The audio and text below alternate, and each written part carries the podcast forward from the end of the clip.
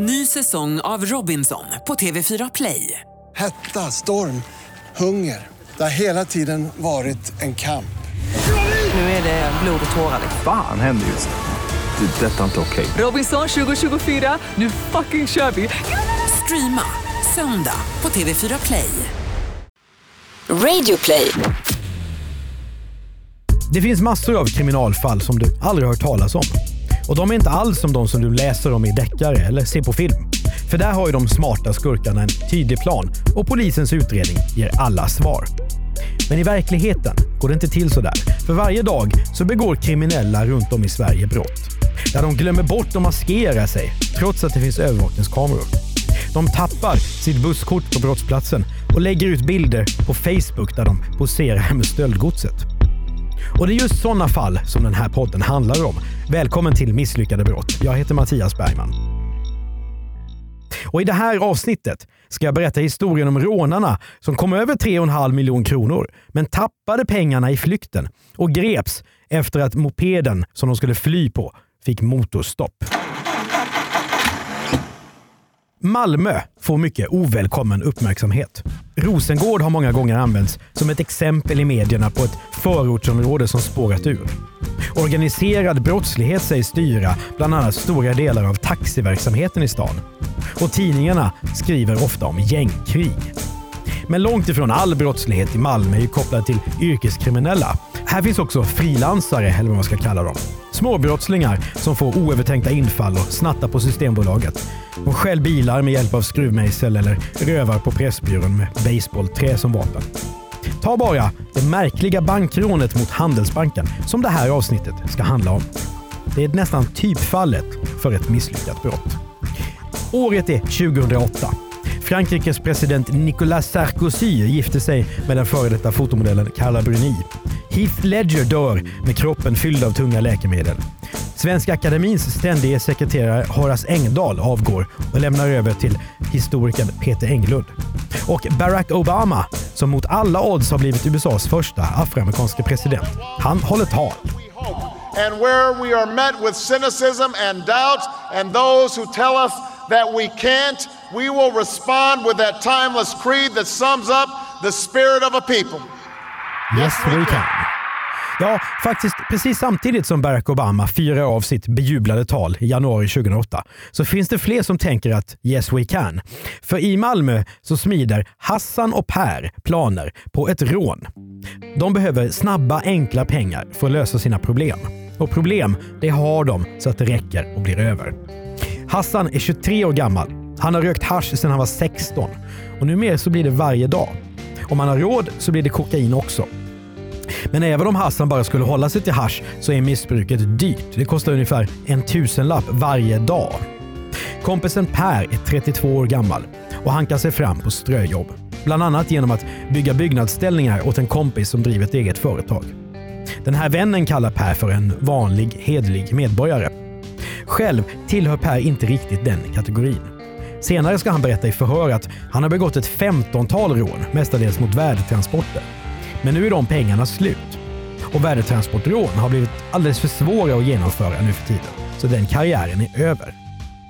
Per och Hassan lär känna varandra 2007 genom gemensamma kompisar. Men deras vänskap tar en helt ny riktning den 9 januari 2008. Allt börjar egentligen dagen före med att Hassan går till ett solarium i Malmö för att sola. Det heter Solsystemet såklart och ligger bredvid Handelsbanken. Vi är i västra Malmö, men ganska centralt mellan stadskärnan och stadsdelen Fridhem där Zlatan har sin jättekåk.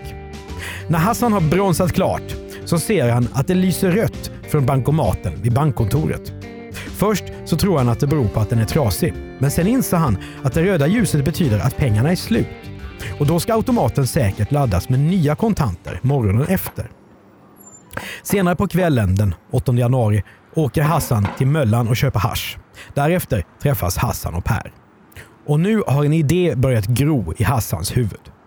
Varför inte göra en stöt mot banken dagen efter när det finns massor av kontanter där? Då skulle han slippa jaga pengar till sitt missbruk hela tiden.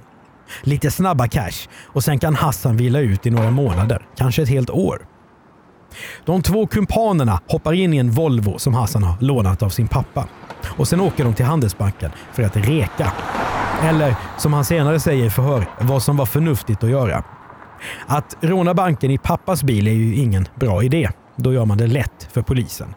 Men Per säger att han har tillgång till en annan bil. En stulen fet BMW 750 som de kan använda. Perfekt. Hassan och Per fortsätter att tråla runt i kvarteret och hittar en parkering i närheten av banken där BMWn skulle kunna stå under rånet. Men är det inte lite väl långt mellan den där parkeringen och själva banken? Det gäller ju att ta sig från brottsplatsen så fort som möjligt innan polisen kommer eller någon svennebanan får för sig att utmana ödet och spela hjälte. Per och Hassan funderar på om cykel kan vara ett alternativ. Det är en metod som bland andra lasermannen John Ausonius använde sig av när han rånade banker i Stockholm. Men så kommer Hassan på en ännu bättre lösning. För två månader tidigare har han stulit en röd EU-moped och den blir perfekt för ändamålet. Efter rånet tar de mopeden till parkeringen och så ska de hoppa in i BMWn. Planen ligger fast och det här kommer att bli enkelt och lönsamt. De kanske kan komma över flera miljoner. Killarna åker tillbaka till Möllan där Hassan släpper av Per. De kommer överens om att träffas klockan ett på natten utanför banken och det gör de också. Per har med sig den stulna BMWn och den ställs på parkeringen där de har varit några timmar tidigare. Men först gäller det att de ska få några timmars sömn. Killarna bestämmer sig för att ses klockan åtta på morgonen dagen efter. Var? Jo, vid en pizzeria som ligger i närheten av Handelsbankskontoret. Nu är det den 9 januari 2008.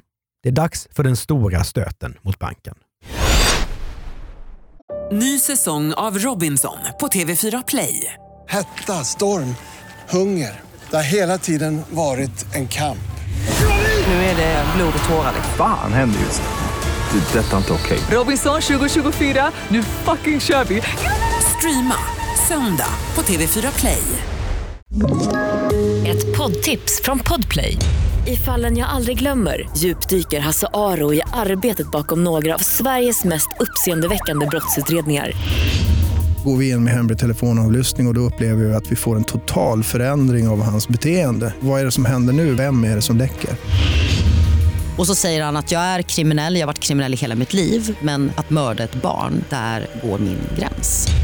Nya säsongen av Fallen jag aldrig glömmer på Podplay. Hassan anländer på sin moped som han parkerar vid ett cykelställ mitt emot bankkontoret. Sen väntar de. Efter en stund kommer Loomis, företaget som är specialiserat på kontanthantering och fyller på bankomaten. Precis som Hassan har räknat ut. En väktare går in i banken, kommer ut en stund senare och kör sedan därifrån. Är det dags att slå till nu? De tvekar. Killarna hoppar upp på mopeden. Hassan kör och Per sitter där bak. De åker runt en stund. Hassan noterar att bankomaten fortfarande lyser rött. Men det spelar ingen roll. Pengarna finns ju uppenbarligen inne på banken. Så nu bestämmer de sig för att slå till. I svarta kläder och med hjälmar som maskering kliver de in på banken. Hassan har ett leksaksvapen som ser ut som ett automatvapen i handen. Per bär på en polisradio. De springer in på bankkontoret. Personalen blir chockad. Men en kvinna inser direkt vad det är frågan om och trycker på larmet. Det har hon faktiskt knappast behövt göra. För polisen är redan på väg. Per och Hassan har nämligen betett sig så underligt utanför banken att förbipasserande fattat misstanke och ringt 112. Var är pengarna? kräver rånarna att få veta. Någon i personalen berättar att de finns i valvet. Per går dit. Kompis, kom! ropar han efter en stund. Hassan ansluter. Med sig tar de en kvinna ur personalen och Per ber henne stanna i valvet tillsammans med rånarna. Det gör han för att minimera risken att bli inlåst i valvet. Om killarna har en gisslan med sig så kommer kollegorna på banken inte att våga slå igen dörren bakom dem. Var lugna, vi ska inte skada er. Håll er lugna, skriker rånarna. Men personalen uppfattar naturligtvis ändå situationen som väldigt hotfull. En kvinnlig anställd ska berätta senare att det känns fruktansvärt obehagligt eftersom hon inte kan veta om rånarna är psykiskt labila eller påverkade av narkotika. Vem vet vad de är kapabla till? Hennes kollega hinner tänka att vapnet som Hassan viftar med ser plastigt ut. Men å andra sidan vet hon inte hur ett riktigt vapen ser ut. Och vid sådana här situationer ska personalen lyda rånarnas order till varje pris. Ingen ska käfta emot eller spela hjälte. Sådana är rutinerna och det är med hänsyn till personalens säkerhet. Inne i valvet kastar Hassan en påse till Per som genast börjar fylla den med sedlar. De ber den kvinnliga banktjänstemannen, som hon tvingat med sig in, att hjälpa till. Och hon vågar inte annat än lyda. När killarna rafsat åt sig alla pengar skriker en av dem “Skynda dig innan väktaren kommer!” Tillsammans springer de ut från banken. Med sig har de 3 561 720 kronor. Så här långt har allt fungerat perfekt. Nu gäller det bara att hålla sig till planen och inte låta sig övermannas av panik.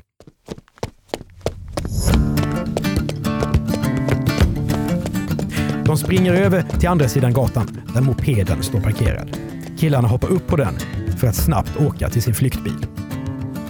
Men nu blir det då problem. För hur mycket Hassan än försöker så lyckas han inte starta mopeden. Så han och Per väljer plan B. Att springa till BMWn istället. Problemet är då att i hastigheten så tappar de delar av rånbytet. De stulna sedlarna fladdrar i vinden efter dem. Till allmän beskådan för alla som har butiker och små restauranger i grannskapet. Det finns inte tid att tänka på det nu dock, för polisen kan dyka upp när som helst. Framme vid den stulna BMWn hoppar Hassan in bakom ratten och startar bilen. Per sätter sig i baksätet. De gör sig redo att åka. Däcken slirar mot marken. Men nu blir det problem igen, för en polisbil kommer mot dem och tvärnitar framför BMWn. Vägen är blockerad. En av polismännen hoppar ur bilen, drar sitt tjänstevapen och riktar mot rånarna. Så nu är det bara att ge upp. Eller? Nej, för Per, han får ett infall. Han har nu tagit över leksaksvapnet från Hassan och drar fram det ur jackan. Han riktar det mot polisen och nu är det dödläge. Både han och polismannen har ett vapen riktat mot sig. Och båda är livrädda. För polismannen tror såklart att det är ett riktigt automatvapen som rånaren siktar med. Men ändå lyckas den här polismannen hålla huvudet kallt.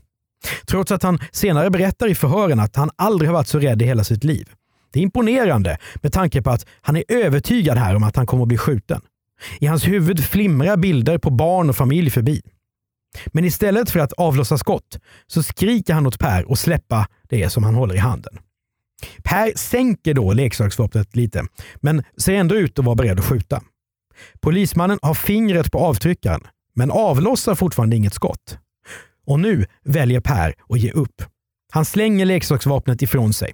Polismannen rusar fram, sparkar ner Per och trycker sedan sin högerfot i hans nacke. Sen åker handbojorna fram. Samtidigt så griper hans kollega Hassan. Efteråt, när allting har lugnat ner sig, är polismannen så omtumlad att han håller på att svimma. Han tvingas hålla fast i någonting för att inte ramla omkull. En sån rädsla som den här situationen utsatte honom för har han aldrig upplevt i hela sitt liv. Hassan och Per verkar mer avtrubbade. I förhör säger Per att det kändes som att han var inne i en psykos. Han har först svårt att redogöra för vad som hände och varför. Men han är lite imponerad över att polisen var på plats så snabbt. Det hade Per aldrig trott. Däremot hade han trott att kumpanen Hassan skulle vara lite proffsigare att samarbeta med. Att rånet mot Handelsbanken gick åt skogen, det skyller Per på Hassan, som han anklagar för att vara en amatör som har schabblat. Men nu är det som det är och Per inser att loppet är kört. Det är lika bra att erkänna. Hassan gör samma sak. Grips man på bar gärning är det ingen idé att neka. Därför är rättegången öppet mål för åklagaren.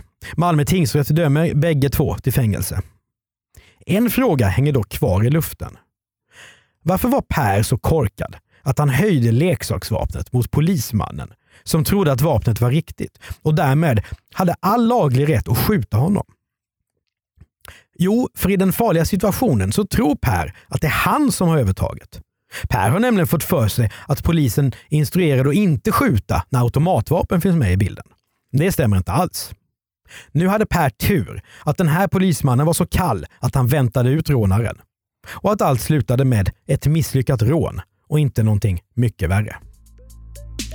Du har hört Misslyckade brott med mig, Mattias Bergman, som gör podden tillsammans med Andreas Utterström. Exekutiv producent är Jonas Lindskov. Prenumerera gärna, betygsätt oss i iTunes. Och om du har synpunkter på det som du har hört eller vill tipsa om andra fall så mejla oss gärna till misslyckadebrott bplus.se.